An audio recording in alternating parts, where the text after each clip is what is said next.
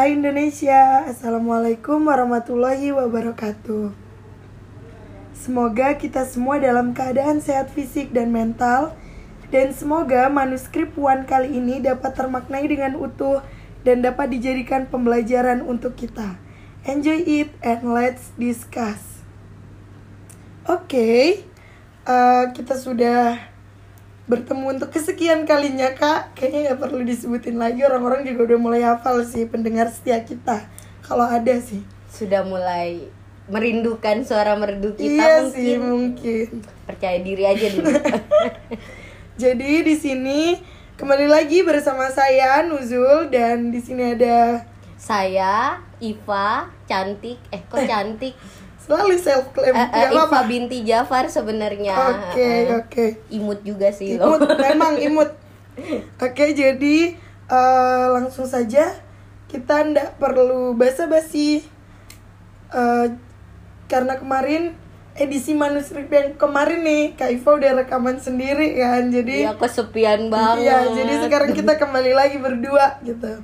Nah, kalau kemarin kan eh, materi atau hal-hal yang dibahas oleh Kaifa adalah tentang evolusi budaya. Mm-mm, benar-benar Jadi buat teman-teman yang nggak tahu apa itu evolusi budaya dan ada apa dengan evolusi budaya, silakan didengar edisi manuskrip minggu kemarin. Mm-mm, Insya Allah berapa ya tiga Ya. episode tiga Manuskrip episode 3. Nah, untuk manuskrip kita yang kali ini Mhm. adalah kita membahas tentang bagaimana budaya nih kak budaya kan Mm-mm. kemarin-kemarin kita udah bahas tentang banyak tuh eh, bagaimana budaya mem- eh, berpengaruh terhadap perilaku manusia perilaku seseorang nah sekarang kita beralih nih Mhm. bagaimana budaya itu berpengaruh terhadap kognisi gitu atau kalau eh, mungkin buat yang nggak tahu kognisi kalau arti di KBBI Mm-mm. kognisi itu adalah proses pengenalan dan penafsiran lingkungan oleh seseorang atau hasil pemerolehan pengetahuan pokok yang berpikiran dengan eh yang Berhubungan. berhubungan maksudnya gara-gara ngomong pikiran-pikiran Ya. kan jadi ke distract yang berhubungan sama pikiran pikiran. Jadi gimana tuh kak? Kira-kira Iya. kak? cara berpikir ya Ya, kan benar. proses mental itu selain apa eh, emosi atau perasaan manusia kan juga cara manusia berpikir ya. Jadi eh, bener banget konteksnya psikologi budaya. Salah satunya kita harus eh, menjelaskan tentang budaya dan kognisi tadi gitu. Gimana orang berpikir. Eh, banyak hal sih sebenarnya tentang proses berpikir ini secara biologi kita ngomong otak manusia nih Mm-mm. gitu terus eh, di otak itu sebenarnya eh, orang banyak hal mulai dari pengambilan keputusan Mm-mm. menganalisa masalah terus itu mengingat sesuatu memori ya kalau bahasa Mm-mm. ininya mengingat terus itu bahasa pengelolaan bahasa kok bisa sih ada orang yang eh, ahli berbagai macam bahasa, gitu dan lain sebagainya itu eh, oh terkait juga termasuk IQ intelijensi Oh. seseorang kan kaitannya sama kognisi gitu Oke, ini menarik nih ya IQ Benar, gitu. benar. Jadi coba kita mulai dari intelijensi dulu nih Boleh, atau boleh. IQ itu tadi. Jadi Ya. gimana? Emang ngaruh kak? Maksudnya kayak budaya nih emang bisa ngaruh ya sama IQ seseorang gitu? Bisa bisa. Itu tuh eh, sebenarnya kalau kita mengacu di buku-buku psikologi dan budaya, Mm-mm. eh, buku ajar aja dulu belum yang buku-buku populer. Jadi eh, penelitian pun sudah dari tahun 70-an, 80-an itu udah banyak gitu. Eh, maksudnya IQ di sini bukan eh, apakah budaya tertentu itu eh, IQ-nya lebih tinggi atau lebih rendah nggak gitu sih. Tapi mm, saya mau ceritain contoh ini aja pengalaman kita tim fakultas waktu eh, melakukan tes bakat minat pada maha eh kok mahasiswa kalau Siswa. SMA itu siswa pada siswa eh, Papua jadi eh, itu kalau program pemerintah nanti teman-teman bisa searching gitu artikelnya Hmm. banyak di Google. Eh, ada ada istilah adem. Adem itu afirmasi kok saya lupa ya singkatannya? Af- eh, intinya ini adalah program untuk eh, apa namanya pengembangan siswa-siswa yang eh, ada di daerah Papua dan 3T nah Oke, terus ya. terus terus. nah ini programnya Dikti. Eh kok Dikti? Pendidikan dan kebudayaan. Eh iya bener. Pendidikan kebudayaan dan teknologi apa ya? Saya kok nggak hafal sih kementerian itulah gitu. Jadi eh, kementerian yang menaungi sekolah-sekolah SD sampai SMA itu loh gitu. Nah itu dia mereka punya program ini yang eh waktu itu di 2019 sebelum corona soalnya eh, itu alhamdulillah salah satu yang dapat dari empat eh, perguruan tinggi di Indonesia yang punya fakultas psikologi kita salah satunya gitu nah kita berkesempatan buat berpartisipasi megang daerah 3T-nya itu Sumbar Sa- Sumbar sama Aceh Ya.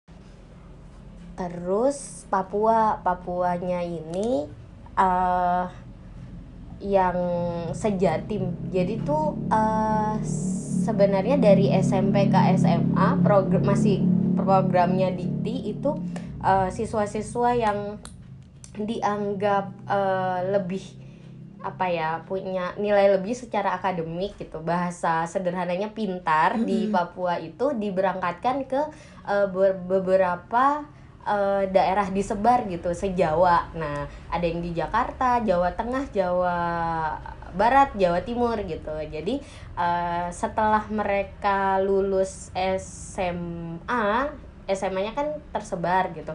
Lulus SMA mereka kuliah. Jadi eh, untuk program pemerintah sendiri eh, yang dari Papua ini putra daerah tapinya ya gitu. Jadi eh, secara KTP mereka eh kan anak-anak belum punya KTP secara kelahiran mereka dari Papua begitu eh, silsilahnya. Jadi eh, mereka mendapatkan privilege untuk memilih eh, kuliah di perguruan tinggi negeri di mana aja. Dengan catatan nanti yang mengikuti program adem ini tuh eh, balik lagi ke Papua asal, eh, eh, iya, untuk iya. untuk apa Mengabdi namanya lah ya mengabdi hitungannya. benar si 3T juga kayak Hmm. gitu nah tugas kita sebagai psikolog itu si eh, meng apa namanya tes bakat minat gitu jadi eh, intelijensi dan bakat minat mereka jadi apakah sudah sesuai untuk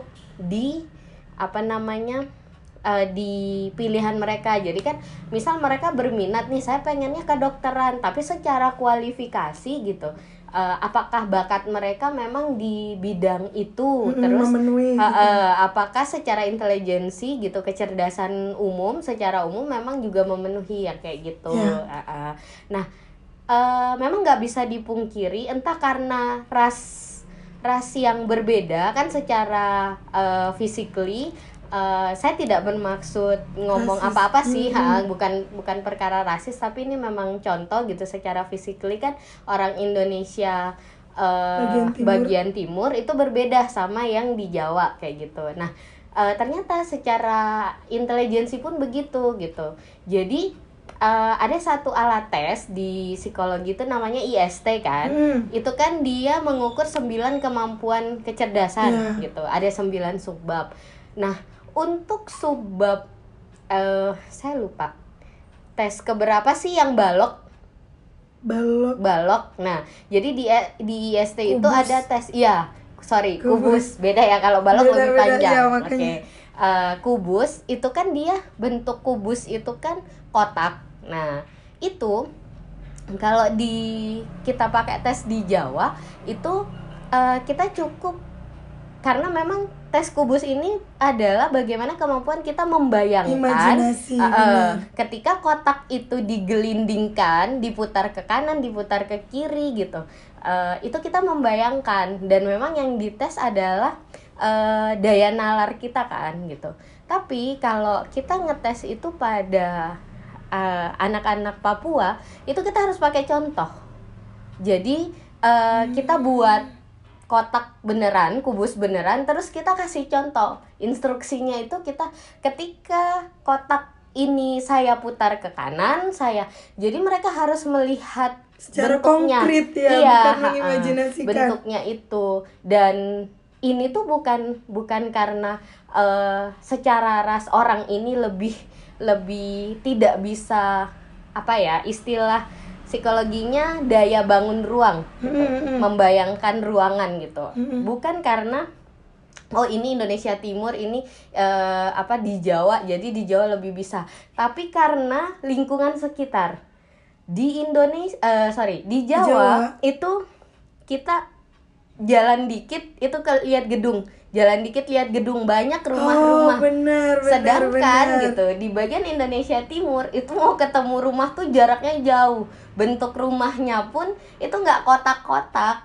Sedangkan di Jawa banyak banget bangunan apartemen mall dan lain sebagainya gitu yang ya Mirip-mirip sama eh, bentuk ruangan itu jadi tadi. kalau mau ngukur daya bangun ruang ketika misal kita membandingkan orang Jawa sama orang Indonesia Timur kalah pasti orang Indonesia bagian timur meskipun usianya sama gitu. Nah itu yang dimaksud intelijensi itu em, apa terpengaruh oleh konteks budaya, Budaya. lingkungan. Dia dibesarkan dengan tidak eh, kiri kanan itu padang pasir kiri kanan savana gitu. Ya dia ngelihatnya alam bebas gitu hutan pantai. Dia nggak ngelihat bangunan kotak-kotak itu Oke, gitu. oke, jadi kalau harus membayangkan sudut apa namanya bagaimana satu bentuk ruang ya nggak bisa gitu. Bukan nggak bisa agak sulit, Agak sulit. gitu. Perlu beradaptasi dan lain sebagainya. Kira-kira begitu kalau konteks intelijensi. Berarti uh, perlu kita garis bawain lagi bahwasanya bukan ke arah beda tingkat IQ-nya kayak misalnya benar benar ini banget. lebih pinter orang Jawa, ini lebih Uh-uh. pinter orang mana kayak gitu-gitu. Mm-mm, bukan kayak gitu ya, tapi lebih ke arah dalam beberapa hal, dalam beberapa konteks ada hal-hal yang di mana eh, itu tuh ketika mereka diukur itu dipengaruhi oleh budaya-budaya yang ada di sekitarnya kehidupan gitu. sehari-harinya mereka oke, gitu Oke, paham, paham, paham. Jadi jangan langsung kepancing bosnya.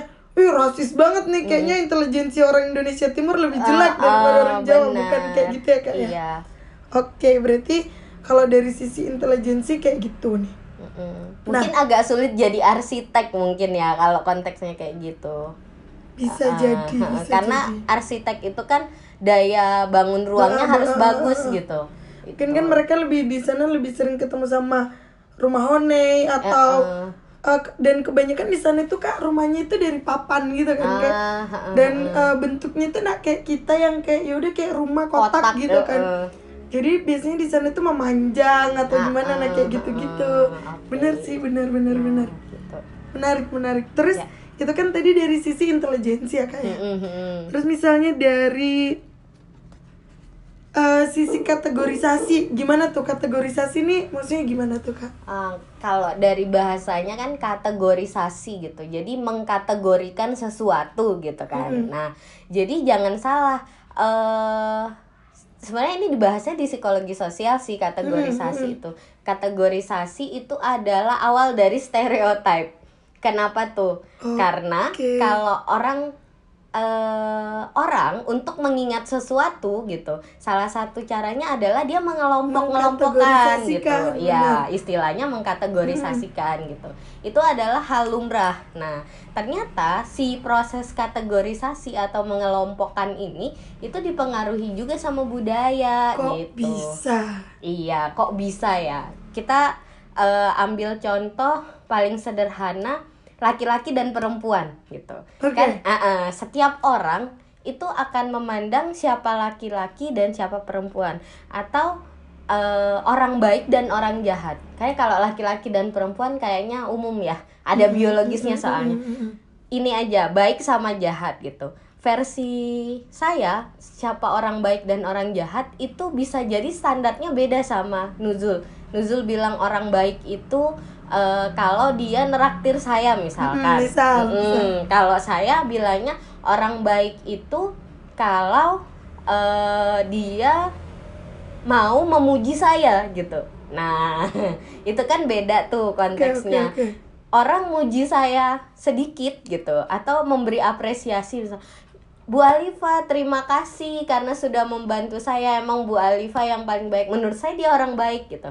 Tapi menurut Nuzul bisa jadi dia apa, Apa sih, dia cari muka Ya, gitu. ya, ya, Nah, benar, di- benar. orang begitu cari muka berarti kategori orang muji ini yang saya bilang dia orang baik bagi Nuzul dia orang jahat ah, gitu ah, kan. ah. Nah, itu kategorisasi seperti itu itu tuh dipengaruhi di mana kita tumbuh gitu budaya kita karena kan itu berkaitan dengan value tuh misal kalau di keluarga eh di keluarga mana ya ya eh, ada background tapi nggak tahu sih masuk apa enggak di rekaman gitu. Itu es tung tung nggak sih? Bakso. oh itu bakso. Salah berarti. Nah untuk masalah ketok ketok gen- gendang kok gendang sih gerobak aja. Itu tuh kategorisasi saya beda sama nuzul. Lebih tepatnya saya nggak paham sih itu apa kalau nggak lihat wujudnya nah Lanjut lanjut. Oke lanjut gerobak ya Oh bukan Lanjut ke baik jahat Ya. tadi Mm-mm. Kategorisasi Ketika kita eh, Apa namanya me- eh, mem- Mengelompokkan Orang baik itu bisa karena eh, Budaya Misal Saya itu kan eh, Tumbuh di keluarga Bugis Cina gitu tapi tapi kalau dari segi ini internalisasi saya itu menginternalisasi budaya Jawa loh. Karena saya tinggal di Jawa lebih lama. Di Jawa itu terkenal istilah unggah-ungguh. Benar. Mm-mm, sopan santun. Jadi orang yang nggak ngerti unggah-ungguh dianggap orang Tidak sopan. Iya, tidak sopan Ya. orang buruk ya, jahat gitu. Bukan Ya. jahat sih, Kayak buruk lah, eh, nggak baik Nggak gitu. tahu etika kayak Benar, gitu. yang kayak gitu. Nah, orang baik ketika dia sopan, dia itu eh, ngerti bagaimana memperlakukan orang yang lebih tua, hormatnya kayak apa, sama yang lebih lebih muda itu menyayangi dan lain sebagainya, ngayomi gitu. Itu eh tapi gitu di barat orang dilihat berdasarkan eh, baik buruknya itu ketika kualifikasinya dia gitu. Dia menjadi baik gitu. Apa namanya? Eh, kalau dia bisa apa ketika dia dikasih amanah dia bisa menjalankan itu gitu. Jadi dia qualified untuk itu. Meski kamu sesopan apa gitu. Kan sekarang eh apa ya kerja itu kan banyak banget multi multinasional mul- multi internasional yang gitu-gitu ya. Jadi orang luar negeri bisa kerja di Indonesia orang Indonesia bisa kerja ke luar negeri gitu. Nah eh, ketika kita yang notabene sebenarnya nggak cuma Jawa sih di Indonesia rata-rata perkara sopan ini adalah kualitas yang diutamakan Benar, gitu. benar. tapi eh, kalau kamu ke luar negeri terus misal kamu kerja di eh, salah satu perusahaan milik eh, asing gitu meskipun dia di Indonesia itu nggak bisa make eh, yang ABS asal bapak senang itu gitu. konteksnya kita meninggi ninggikan atasan. Maksudnya mungkin baik sopan dan lain sebagainya. Tapi kalau kamu kerja nggak amanah dan nggak qualified ya kamu bakalan Di- digeser. ah. ah. jadi konteks baik buruk sesuatu yang baik menurut seseorang itu dianggap eh, nggak baik gitu. Belum lagi perihal penggunaan tangan. Itu banyak di YouTube terus itu di media sosial. Kalau eh, kalian lihat contohnya misal eh apa namanya menunjukkan apa sih tanda jempol. Jempol itu kan sebenarnya kalau secara umum kita kenalnya oke setuju gitu. Tapi ada di negara-negara tertentu saya juga lupa ya nggak terlalu ini.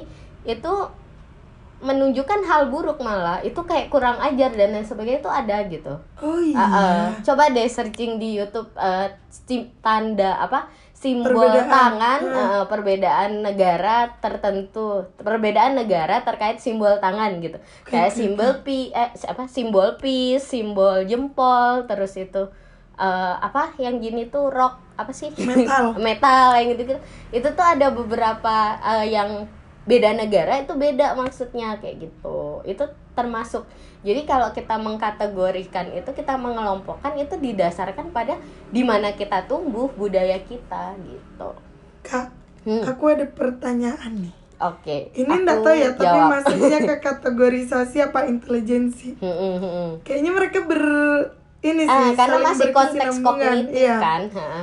Jadi, apakah hal ini tuh juga termasuk pengaruh dari eh, bagaimana budaya itu tadi mempengaruhi.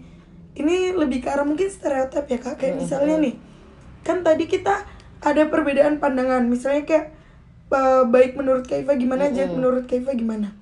Terus eh, di sini tuh juga berkembang terkait banyak stereotip terkait gini. Ih pasti cowok tuh lebih pintar kalau secara akal daripada cewek. Nah, apakah itu dipengaruhi dari budaya itu juga, Kak? Atau gimana? Ah, jadi ingat waktu itu kita kayak pernah hampir mendebatkan masalah ini ya, apa eh logika sama afeksi Iya, itu benar. enggak sih Iya, benar, Ah, benar. secara biologis Mm, itu ya. Ah, ah, itu di episode mana ya? Jadi promo. Perempuan Di- itu, ah, tentang Iya, perempuan. masih di episode sebelum sebelum Siniar hari kemerdekaan. ya sebelum sebelum namanya jadi siniar puan. Oke nah cek aja sih di IG kita ada kok itu episode keberapa eh, tentang psikologi perempuan kalau nggak salah. Itu. Tadi pertanyaannya stereotype. Oke. Nah. Berarti hal-hal kayak gitu tuh bisa dipengaruhi dari budaya juga. sebenarnya bisa. Eh, jadi eh, meskipun secara biologis kan udah Ada eh, perbedaan nih, eh, perkara otak manusia gitu. Terus itu bagaimana eh, posisi hormon Syaraf, eh, ah, kestabilan hormon dan lain sebagainya itu berdampak itu secara biologis. Lagi-lagi nih kalau ngomongin manusia variabelnya tuh banyak banget gitu. Jadi eh, faktor X-nya itu akan banyak nggak cuma satu melulu masalah biologis melulu masalah kultural gitu bisa jadi ini masalah sosial di masyarakat bisa jadi masalah eh, etnis bisa dan lain sebagainya gitu jadi salah satunya pasti iya gitu masalah kenapa laki-laki Dianggap lebih pintar ah, daripada lebih perempuan. pintar. Itu perkara ini enggak sih? Kita ngomong ekspektasi ekspektasi atau norma sosial. Norma, norma sih kayaknya sosial kayak gitu. karena itu udah dinormalisasi sama orang-orang akhirnya kayak menjadi kategorisasi ini tadi iya, iya eh, kan karena karena kita tinggal di eh, negara Indonesia yang notabene patriarki ya Mm, gitu. Jadi mau nggak mau ketika anak yang masih kecil yang waktunya main-main nggak mikir apa-apa itu udah dibebanin orang tuanya anak Tuh. cowok jatuh nggak boleh nangis, Nangis, gitu iya, iya, bener. karena harus kuat gitu akhirnya dari situ terbentuklah itu tadi. Mungkin eh, kategorisasi Mm-mm, yang mm-mm. akhirnya dinormalisasi seperti itu ya. Hmm, bener jadi ketika misalkan ada cowok nangis gitu dianggap "Ih, Lemah. masa ada cowok nangis? Kamu bukan cowok Oke, gitu. oke, jadi oke, dia oke. mengkategorisasikan aneh kalau cowok Hmm, nangis. Hmm, cowok nggak boleh nangis. Maksudnya mungkin nangis depan umum kali ya gitu. Cuma akhirnya kan itu mungkin jadi beban tersendiri bagi cowok. Iya nggak sih Duh, Iya. jadi kepikiran pengen wawancara cowok. Oke, oke. terus kak berarti sebenarnya kan ini kita konteksnya tadi budaya dan kognisi nih terus yang mana di dalamnya ada beberapa aspek-aspek nih Iya. berarti sebenarnya dengan kategorisasi itu tadi tuh hal yang baik atau buruk Ten- terkait budaya kategorisasi terkait budaya atau Eh. kategorisasi secara umum kategorisasi terkait bisa secara umum bisa secara budaya sih. Kalau kategorisasi secara umum itu memang eh, sudah cara cara manusia cara manusia memorizing gitu. Eh, memang salah satu proses eh, mengingat itu adalah dengan kategorisasi mengelompokkan tadi gitu. Ken- eh, kenapa kemudian saya itu kalau dapat anak perwalian baru itu yang paling susah Mengingat adalah nama. mengingat perempuan tapi paling gampang ingat cowok karena di psikologi itu dalam satu kelas cowoknya bisa nggak nyampe 10 orang tapi ceweknya itu lebih dari 30 orang gitu. Dan itu berjilbab semua lagi belum lagi eh, kacamata semua belum lagi yang namanya. Anissa lebih dari satu. Wah, betul. gitu itu berarti sih. lebih ke arah ini ya kak. Sebenarnya kategorisasi itu nggak salah tapi mungkin ketika seseorang itu mengkategorisasi dengan yang terlalu mengkotak-kotakan dengan pemikiran dia sendiri itu yang agak kurang sesuai gitu. Uh, uh, makanya salah satu cara mengurangi prasangka itu sebenarnya rekategorisasi atau mengkategorikan Hmm. kembali. Kategori ini kan anu apa cara bantu manusia mengingat gitu. Betul. Ya kita kan bisa mengingat dengan mengelompokkan. Maksudnya kayak bedain laki-laki dan perempuan. Kan kita bisa bedain dia secara physically gitu, Hmm. secara biologis, nggak perlu ngebedain dia secara eh Emosi apa aturan misalnya ya, ya, emosi ya. misalkan atau aturan yang dinormalisasi tadi betul betul misalkan betul oke gitu oke oke oke it oke Oke. Oke karena tadi aku rasa kategorisasi udah cukup nih. Mm, clear kita ya. beralih ke selanjutnya yaitu persepsi. Gitu. nah itu masih mirip-mirip juga sih rangkaian gitu Iya ya. iya karena sebenarnya memang karena satu kesatuan kan kita Iya, kognisi. kognitif, nih. benar, iya. iya jadi gimana tuh kak kalau persepsi itu? Uh, persepsi itu adalah salah satu istilah di psikologi yang biasanya tuh kan muncul tuh di psikologi umum nih ya masih semester 1 biasanya. Jadi tuh anak-anak saya nggak tahu sih uh, sekarang masih sering gitu nggak? Kadang tuh waktu saya mahasiswa nih saya kalau ketemu istilah baru bahkan sampai sekarang ketika saya ketemu istilah baru saya seneng banget make itu berulang-ulang gitu. Sama kayak waktu di semester 1 dapat istilah persepsi. Persepsi ini adalah sebenarnya bahasa umumnya opini atau sudut pandang benar Iya, dan dan itu tuh sebenarnya bahasa yang sering banget kita pakai gitu. Tapi kalau ketika menurut kita sudut ngomongnya- pandangmu Iya. gitu. Tapi ketika ngomong menurut persepsimu kayak kayak beda aja gitu ya. Sebenarnya sorry ya agak ada background azan karena ini OTW Isa, nggak dan- apa-apa lah ya. Iya nggak apa-apa sih karena kondisinya juga eh, tempat rekaman kita agak dekat dengan masjid gitu. Iya, Anggap benar. saja eh, di sini azan itu adalah bentuk peringatan kepada teman-teman yang Iya. mendengar. Azan itu panggilan sholat, Iya, bukan benar. panggilan eh, diam. Iya. saya sering ngomong begitu sama orang-orang. Oke, Uh, Bismillah Mohon sambil maaf ya dilanjut. kita dilanjut juga ini. Mm-mm. Oke, apa tadi? Jadi ini terkait eh, sebenarnya persepsi itu biasanya udah sering kita dengar, Ah, ah, tapi ketika benar-benar. kita dengerin pakai persepsi itu kayak lebih keren gitu gak sih? iya gitu. Padahal ngomong sudut pandangmu gimana gitu kan? Ya umum aja gitu. Sedangkan persepsi itu ya istilah baru intinya itu sudut pandang seseorang atau kacamata seseorang dalam memandang satu hal gitu. Satu bisa tindakan bisa situasi bisa benda objek tertentu gitu. Itu istilah psikologi aja sih dan masih kaitannya kan karena memandang sesuatu atau sudut pandang seseorang jadinya ya itu proses kognitif gitu. Berarti contohnya ketika budaya itu eh, mempengaruhi persepsi seseorang terhadap sesuatu itu nggak jauh beda sih sama kayak misalnya tadi kategorisasi itu tadi ya kayak kayak iya misalnya benar-benar eh, seseorang akhirnya mempersepsikan bahwasanya orang Jawa tuh kalem-kalem terus sedangkan misalnya orang Indonesia eksotis kata orang Barat nah, gitu kan. kayak gitu-gitu ya berarti. Iya. Ini lebih mudah dipahami sih mungkin Ah, terkait ah, persepsi ini.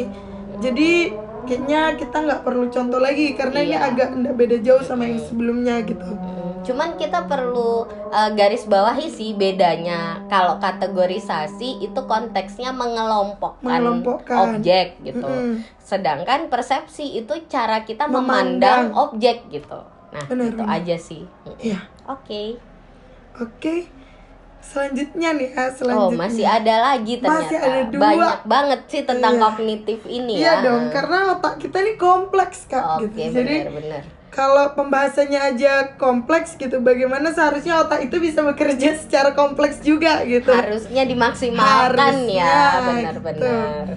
jadi eh, di sini selanjutnya itu ada memori kak. Memori Nah, oke. kalau secara misalnya ini aku dengar kata memori gitu kayak orang tuh pasti bertanya-tanya gitu kak kok bisa sih budaya berpengaruh terhadap memori yang mana? Notabene nya kalau kita tahu kata memori itu kan kayak penyimpanan nih. Memori HP misalnya memori otak kayak gitu. Terus emang apa ngaruhnya budaya dengan memori? Kalau saya sih kalau memori nggak kopi. Kopi kenangan kan iklan kita habis minum Kita kopi habis minum kenangan kopi soalnya. kenangan BTW ya. oke Lanjut lanjut. jauh sih sebenarnya nggak nyampe Iya bener lagi gak nyambung bener. Oke, memori. Ya, benar. Eh, kalau ngomong memori itu mau yang ukuran berapa gitu 128 mega beda-beda eh, eh, ya itu ya. pasti jatuhnya tuh langsung memori HP begitu kan Mm-mm. gitu. Nah, ta- tapi jangan salah, memori ini nama lainnya kan mengingat gitu. Betul. Mengingat. Jadi Mm. kalau bahasa Inggris memorizing gitu kan mengingat gitu. Memorize itu eh so Inggris banget Nggak sih apa-apa, nggak nggak asik kan apa-apa, nggak asik apa-apa. So- soalnya host saya ini lagi les bahasa Inggris saudara-saudara gitu Lanjut lanjut. jadi eh, karena memori ini mengingat yang masih di proses otak tadi sebenarnya lanjutan dari eh, si persepsi sama kategorisasi sih gitu Oh. Iya kan? iya, Eh, benar, benar. ibarat kalau otak manusia ini kita analogikan kayak laptop, laptop itu ke eh ya laptop PC gitu kan ada penyimpanannya nih gitu, ada file-filenya, folder-foldernya gitu. Mm-mm. Yang di dalam folder itu ada sekian file. Nah, itu mengingat itu kayak gitu gitu. Jadi di otak manusia tuh kita kayak nyimpan barang bah bukan nyimpan barang nyimpan kenangan-kenangan gitu misal ada Kenangan. folder mantan ada folder sahabat ada folder dosen gitu Mm-mm. jadi dosen itu di dalamnya masih ada folder lagi. Kalau Bu Iva terus Ya, itu kalau- Bu A Bu C Bu Mm-mm, D gitu. paham. Bu D. Ya itulah maksudnya. Nah itu kan nanti bagaimana? Misalkan kayak nuzul. Nuzul yang eh, dari semester 1 sampai lulus kuliah itu diajar cuma satu semester sama saya. Terus sisanya kita berinteraksi sebagai pendamping LSO sebagai eh, apa kakaknya eh, kakak tingkatku kok kayak judul FTV dan sebagai sebagai lainnya tuh yang bukan apa ya interaksinya tuh nggak kayak interaksi eh, guru murid di kelas gitu. Jadi kayak pasti beda dong. Kemudian nuzul ketika mengingat dosen lain yang dari semester 1 sampai Semester bahkan tujuh. kuliah eh apa kuliah skripsi itu dibimbing misalkan kan itu beda cara mengingatnya nah itu Oh. itu memorizing dipengaruhi Paham, paham, budaya paham, paham. pastilah gitu Berarti lebih ke arah mungkin eh, kalau misalnya orang-orang kan eh, misalnya ini kak orang-orang kan kayak nangkepnya Mm-mm. lebih ke arah ini sih mungkin ya kayak budaya ini kayak eh, budaya ini budaya yang berbeda-beda nah kayak gitu-gitu nah kalau misalnya kita tarik satu budaya nih misalnya Hmm. kak misalnya budaya Jawa gitu Mm-mm. atau budaya Bugis juga boleh deh Hmm, kan hmm, narasumbernya hmm. dari Bugis nih saya mau ambil yang lebih luas aja nih Ke mana? Western sama eh, Asia oh ya Eastern nah gitu nah berarti Heeh. eh, itu misalnya seseorang itu kan dia tahu nih eh, kalau tahu dua-dua budayanya dia tahu Mm, mm, mm. tapi misalnya dia yang mendalaminya budaya kita budaya ini sendiri ya kenapa tadi saya milih Mm-mm. bu- eh, dua yang Mm-mm. besar gitu kelompok yang lebih besar orang Barat sama orang Timur gitu Mm-mm. kalau sebenarnya ini tuh enak banget kalau kalian suka nonton terus kalian bedain deh film barat sama film Asia film Asia ini termasuk film Indonesia kalau memang kalian suka nonton film Indonesia atau Mm-mm. film eh, Korea film Jepang film Cina itu kan masuk Indonesia eh sorry Indonesia masuk dunia bagian timur terus yang film barat itu film Amerika film Eropa itu ketika kalian eh, membedakan gitu itu tuh kelihatan banget eh, bagaimana seseorang memandang orang asing gitu ketika orang barat ya padahal Indonesia itu kan multikultural dengan banyak etnis enam agama yang diakuin dan lain sebagainya gitu tapi orang Indonesia kalau ketemu dengan orang asing itu jaga jarak dulu menarik diri Ya, dulu ya, gitu ya. padahal orang Barat kenalnya orang Indonesia tuh welcome itu sekarang Ikoma. Ikoma. Oke. Eh, jadi kalau orang barat di film-film itu pasti kalian bakalan nemu eh, salah satu bentuk dia mau menun- menunjukkan atau kampanye eh, harmonisasi sebenarnya kalian pasti sering nemu dalam film-film Hollywood itu tuh ada orang kulit putih, orang kulit hitam, terus kemudian pasti ada orang Asianya gitu. Jadi di di dalam satu setting ada satu series di Netflix itu, sorry sebenarnya nggak pernah di endorse siapa-siapa tapi kayak iklan gitu, namanya Bridgerton. Itu tuh kan sebenarnya settingnya Bridgerton, bener nggak sih bacanya? Itulah.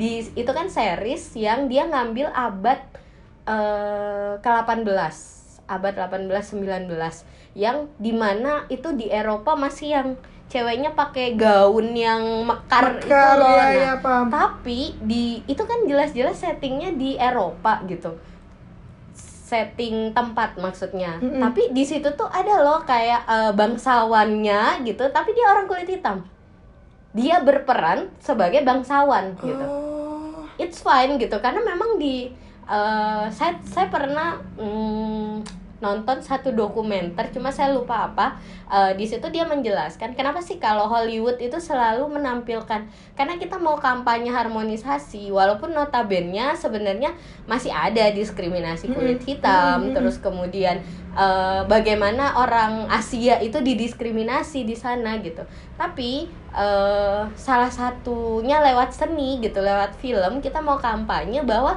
eh, harusnya kita jalan bersama-sama. Harusnya yang dilihat bukan rasnya Rasnya, gitu. paham, paham. itu sih. Jadi Jadi?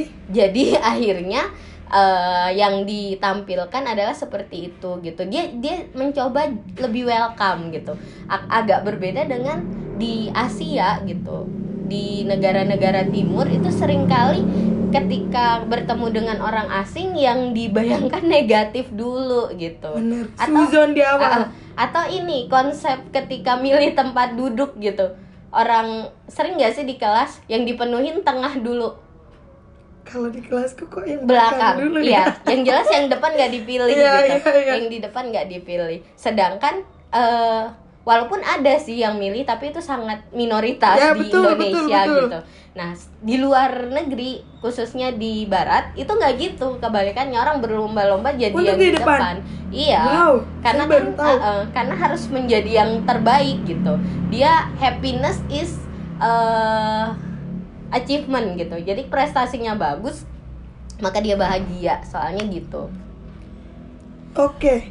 Terus Kak, berarti aku ini mencoba meluruskan aja ya. Mhm, Berarti mhm. kalau dari yang kita bahas terkait memori ini tadi bukan bukan lebih ke arah bagaimana budaya itu mempengaruhi ingatan seseorang. Misalnya kayak si budaya ini pelupa, si budaya ini enggak, tapi Mhm, terkait bagaimana seseorang mengingat sesuatu gitu bukan? Benar Oke, benar ya. bagaimana dia mengingat sesuatu Oke, lurus ya berarti ya tentang ini ya, clear ya.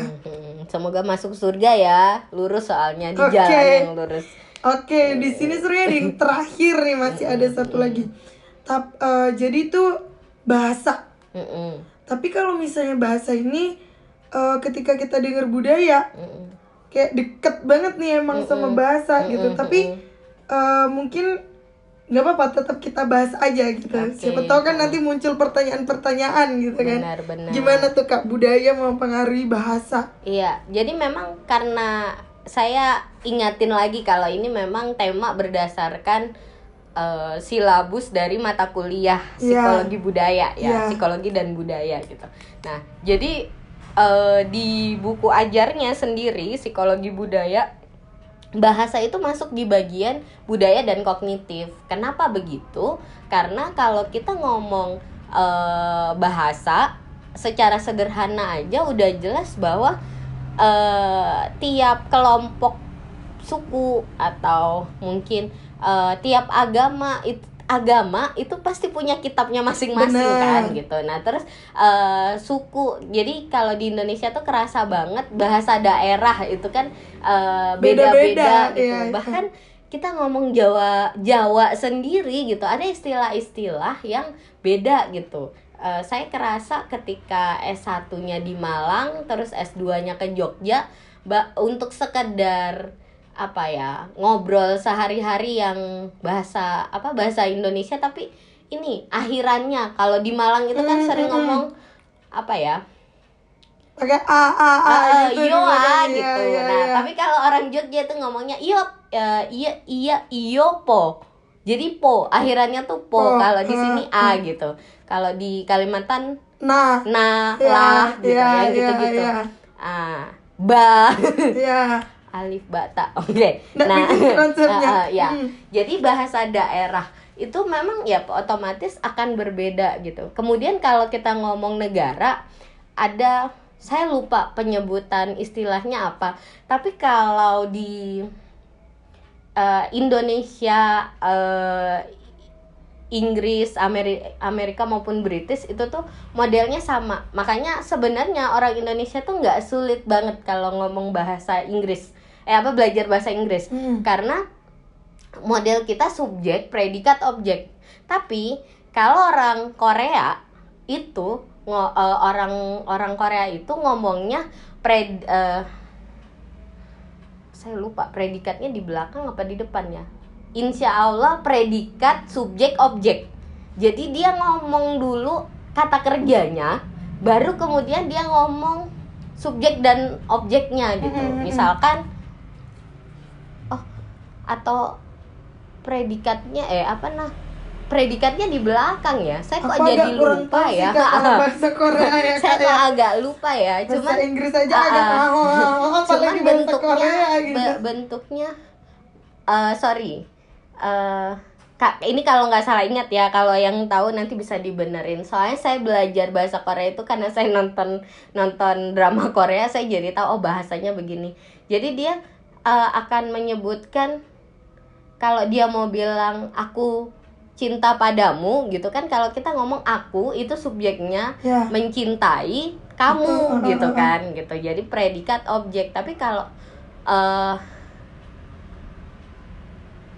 eh, apa namanya orang Korea itu dia ngomong dulu aku kamu mencintai gitu. Jadi jadi kita harus eh, eh, jadi kita harus apa namanya ingat eh, ininya apa namanya eh agak beda sih. Maksudnya agak aneh kalau kita mengingat itu gitu. Dan itu juga yang membuat eh, sebenarnya orang Jepang orang Korea itu agak lebih susah gitu dalam dalam belajar, Belajar bahasa bahasa Inggris. Oh, iya. dalam belajar bahasa Inggris. Karena bentuk eh, grammarnya eh, beda gitu kan. Kalau Inggris kayak kita subjek predikat objek gitu terus nanti bentuk waktunya di akhir keterangan waktu keterangan tempat di akhir gitu. Jadi grammarly itu juga mempengaruhi termasuk tulisan. Tulisan eh, orang Jepang belajar bahasa jadi gini kalau ben- eh, tingkatannya karena saya waktu eh, SMA dulu itu kan apa muatan lokalnya salah satunya bahasa Jepang ya? Mantap Ah, tapi anehnya tuh muatan lokal yang wajib gitu jadi bahasa Jepang apa karena kita pernah dijajah Jepang ah, nggak juga sih Jepang sama Jerman soalnya yang di Oh. sana Ah, jadi kalau bahasa Jepang ka- kalau orang sudah jago bahasa Mandarin bahasa Cina Mm-mm. itu pasti mu- lebih mudah belajar bahasa Jepang sama bahasa Korea dari segi Ah. tulisan dan grammar. Kenapa? Karena eh, sebenarnya adaptasi. Jadi Jepang itu belajarnya ke Tiongkok sebenarnya untuk Oh, iya? tulisannya. Yes. Eh, itu diceritain sejarahnya sama guru SMA-nya. Itu yang saya ingat banget dan kemudian pas nonton nonton drama-drama Asia itu tuh jadi ada istilah-istilah yang mirip gitu. Sama kalau orang Jepang itu belajar bahasa Korea nggak sesulit itu karena eh, tulisan bentuk tulisannya agak itu mirip Iya, eh, lebih sederhana Korea. Paling sederhana itu Korea dibandingkan eh, Jepang gitu. Jadi dia memang turunan. Terus ada satu istilah yang saya ingat banget itu yakso. Yakso itu artinya janji. Bas, saya awalnya ngerti itu pas nonton drama Korea. Tapi kalau orang nonton Jepang eh, sama. Dia Yakso ngomong juga. janji itu yakso juga gitu. oh Ya karena memang sebe- itu tuh kayak kita ngadaptasi bahasa Sanskerta, bahasa Arab, bahasa I see, I yang see. gitu-gitu loh. Apa ya istilah bahasanya? Itulah gitu. Nah, dan itu dipengaruhi karena Korea itu kan dijajah Jepang gitu. Mm. Kenapa orang Malaysia jago banget bahasa Inggris? Orang India jago bah- bahasa keduanya bahasa Inggris. Karena dia dijajah Inggris, kita dijajah Belanda nggak diajarin apa-apa, nggak Nah. juga bahasa kedua kita bahasa Belanda. Belanda. Itu. Tapi kak aku pernah dengar, tapi nggak tahu ya aku dari siapa ini. Jadi Mm-mm. aku nggak bisa menyebutkan dengan konkret ini aku pernah dengar atau pernah baca atau pernah apa. Tapi Mm-mm. seingatku ada yang pernah ngomong kayak gini. Katanya orang Indonesia itu adalah orang yang kayak dia tuh bisa belajar semua bahasa karena kita itu mempunyai kita belajar dan kita berbicara, kita menulis menggunakan semua abjad A sampai Z. Sedangkan di negara-negara lain itu ada beberapa kata yang eh, beberapa huruf yang nggak ada kayak gitu-gitu. Itu benar nggak sih kak? Itu salah satu bentuk budaya mempengaruhi bahasa juga enggak? Iya bisa it- itu bisa bisa banget. Eh, itu kan termasuk juga yang tadi saya bilang Hmm. si rumpun Cina Jepang Korea ini lebih susah belajar bahasa Inggris gitu. Karena mereka mulai dari grammarly terus tulisannya juga kan beda Ah, gitu. ah, ah. sementara kalau kita ya itu bahasa sehari-hari gitu. Itu sih maksudnya bahasa secara tulis secara tulisan ya abjadnya sama gitu yang kayak gitu sih dan itu juga eh, nggak tahu ya eh, mohon diluruskan yang orang Jawa mungkin eh, jadi lebih mudah belajar bahasa Inggris daripada bahasa Sangsekerta karena memang tulisan Sangsekerta itu Lebih sulit. mungkin orang Thailand justru lebih mudah belajar Sangsekerta Oh iya ya. karena memang kalau dari eh, sejarahnya sejarahnya eh yang sering diperdebatkan bener apa enggak Thailand itu kan jajahannya Majapahit. Hmm. nah ah, Thailand itu jajahannya Majapahit sehingga eh, mereka mengadaptasi bahasa itu sebenarnya dari Majapahit gitu. Makanya tulisannya kan mirip, banget sama Sanskerta iya, iya. gitu. Nah, cuma Aksara saya juga nggak bisa baca ya Mm-mm. saya juga nggak bisa baca bahasa Thailand jadi nggak ngerti juga apakah emang mereka jadi lebih mudah belajar Sangsekerta Sangsekerta pun saya nggak bisa aksara Jawa Sama sih. gitu Padahal saya orang Jawa. nggak apa-apa saya kan bukan Oke oke oke paham. Berarti ini kan tadi kalau misalnya budaya mempengaruhi kognisi itu ada beberapa hal yang kita bahas. Mm-mm. eh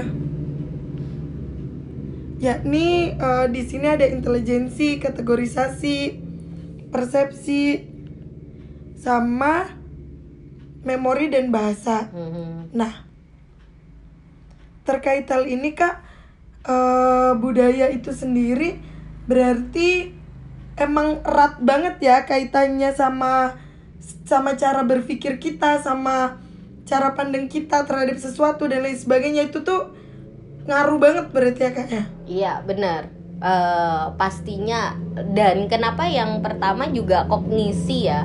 Maksudnya dari bahasan-bahasan lain yang pastinya individu berkaitan dengan ini dengan budaya. Cuma kenapa kognisi dulu? Selain memang banyak poin tadi karena semua itu dimulai dari kognisi, dimulai dari ketika kita mempersepsi, mengkategorisasi bagaimana itu tertanam di memori. Belum lagi memori ini, sorry tadi agak terlupa eh, long term sama Short short term, term itu mhm. yang kita jangka pendeknya kita mengingat apa gitu. Oh itu terus ngaruh jangka juga panjang. sama budaya. Ah, karena itu eh, proses memori kan ya apa namanya kita membagi menjadi dua Eh, di beberapa eh, sebenarnya ini bukan suku sih tapi apa namanya misal ketika orang-orang orang-orang di ini kayak apa namanya sih yang militer-militer itu angkatan gitu Mhm. itu kan mereka eh, apa diajarkan untuk eh, senioritas gitu bagaimana mereka harus mengingat eh, apa negara cinta negara dan lain sebagainya Mhm. gitu terus kemudian ah ini satu lagi kenapa eh meskipun sama-sama PNS tapi kalau dia dosen guru itu apa pensiunnya 65 tahun tapi kalau eh, PNS biasa itu 60 eh, 58 tahun untuk golongan tertentu ada yang 58 ada yang Ada yang 60, 60, tahun gitu. Nah, sedangkan dia guru itu 60 eh sorry 65 guru atau dosen 65 kalau dia profesor itu 70 pensiunnya. Kenapa begitu? Iya, karena daya ingatnya ketika semakin sering mengingat gitu. Iya, dia dianggap uh, karena dia sering menggunakan ya, menggunakan apa namanya kognitifnya gitu. Sering-sering makanya biasanya dos, dosen dokter-dokter saraf itu mengingatkan berlatih ngisi TTS terus itu pokok menggun, menggunakan otak itu itu membuat bukan ki, umur kita jadi lebih panjang, panjang tapi, tapi uh, kita apa namanya dengan mengingat lebih banyak atau menggunakan kognitif lebih banyak itu uh, membuat apa namanya uh, kita jauh lebih sehat gitu jadi selain olahraga physically ya olahraga hmm. otak itu juga perlu gitu mungkin itu juga yang buat kenapa pensiunan pensiunan yang apa namanya habis pensiun nggak ngapa-ngapain gitu ketimbang pensiun yang ngurusin cucu itu hmm. jauh lebih masih beraktivitas Ber, uh, ya masih apa lebih kepake ya, gitu. Uh, uh, kayak gitu. Aku, uh, aku jadi timbul sebuah pertanyaan sih kayak kayaknya nih nggak ngerti sih ini uh, kayak mungkin banyak terjadi tapi aku nggak tahu juga tingkat kevalitannya karena ini mungkin asumsiku gitu. Gimana, uh, gimana? kenapa akhir-akhir ini kayak banyak sekali uh, short term memory seseorang itu mm-hmm. yang kayak mudah banget lupa akan sesuatu gitu. Apakah itu juga pengaruh dari budaya yang sekarang berkembang? Apakah ada kesalahan perkembangan budaya atau justru karena ya itu tadi sih sesederhana otaknya jarang dipakai atau gimana tuh kak? Bukan otaknya jarang dipakai karena lebih ke ini sih. Kalau saya lihatnya ya, kita bisa menyimpan di tempat lain selain di otak. Uh, sekarang maksudnya uh, semakin modern kita bisa menyimpan hmm, gitu. Hmm, Mungkin hmm. agak jadul sedikit itu kita sering mencatat. Jadi kalau kita lupa kita buka buku gitu. Yeah. Nah, uh, orang dulu mungkin apalagi buta aksara gitu, hmm. mohon maaf ya dia harus mengunggulkan daya ingatnya hmm. dong bahkan kadang uh, dulu ketika kakek nenek saya masih hidup itu yang bikin saya takjub. Beliau jauh lebih bagus daya ingatnya dari saya gitu. Uh, artinya itu mm, di luar kepikunan orang tua ya karena usia gitu. Yeah. Uh, karena mereka memang harus mengunggulkan gitu. Kan ketika orang berada dalam kondisi terdesak dia akan mengasah kemampuan itu gitu Berarti ini benar, maksudnya kayak... kita kan nyimpan di HP, nyimpan di dikit-dikit screenshot iya, gitu. Iya, berarti kembali lagi memang erat banget ya. Ini berarti Bener. hubungannya balik lagi ke kebudayaan. Uh, uh. karena budaya kita sekarang udah beda nih sama orang dulu. Hmm. akhirnya mungkin ya itu tadi sih pengaruh yang di memori itu hmm, tadi. Revolusi okay, industri poin okay, apa lima poin o gitu. Oke. Okay. paham paham paham paham kayaknya udah cukup sih kak ya iya ya udah cukup komprehensif lah ya tentang yeah. kognisi dan budaya bener, ini bener, bener. bener. udah uh, hampir satu jam juga ini iya uh, karena aku rasa udah cukup juga dan udah terbahas dari masing-masing hal-hal yang ada di dalam kognisi itu tadi aku jadi sedikit punya sebenarnya ini bukan ke arah kesimpulan sih kak mungkin penutup aja gitu. Okay, kita sebutnya penutup, penutup aja iya. karena mm-hmm. dia tidak mencangkup semuanya, jadi aku sebutnya penutup aja. Baik kak, baik. Uh, jadi kita sebagai manusia kita mempunyai cara berpikir, cara pandang terhadap sesuatu itu beragam gitu. Mm-hmm. Tapi jarang sekali dari kita dapat mm-hmm. menggunakan cara pikir kita itu dengan bijak. Benar. Nah, uh, jadi bagaimana seharusnya kita sebagai manusia dengan uh, syaraf otak kita yang lengkap dengan mm. uh, kita dikaruniai otak yang hitungannya sempurna dari makhluk-makhluk yang lain seharusnya kita mampu menggunakan kognisi kita itu dengan sebijak mungkin seperti hmm. itu sih kak okay. kalau penutup dari aku ya baiklah terima kasih host ditutup uh, jadi karena tadi sudah ditutup juga maka berakhir juga sesi manuskrip kita pada kali ini okay. uh, sekali lagi terima kasih buat teman-teman yang sudah mendengarkan podcast kita. Semoga kalian menikmati. Benar. Uh, sekian dari kita. Wassalamualaikum warahmatullahi wabarakatuh.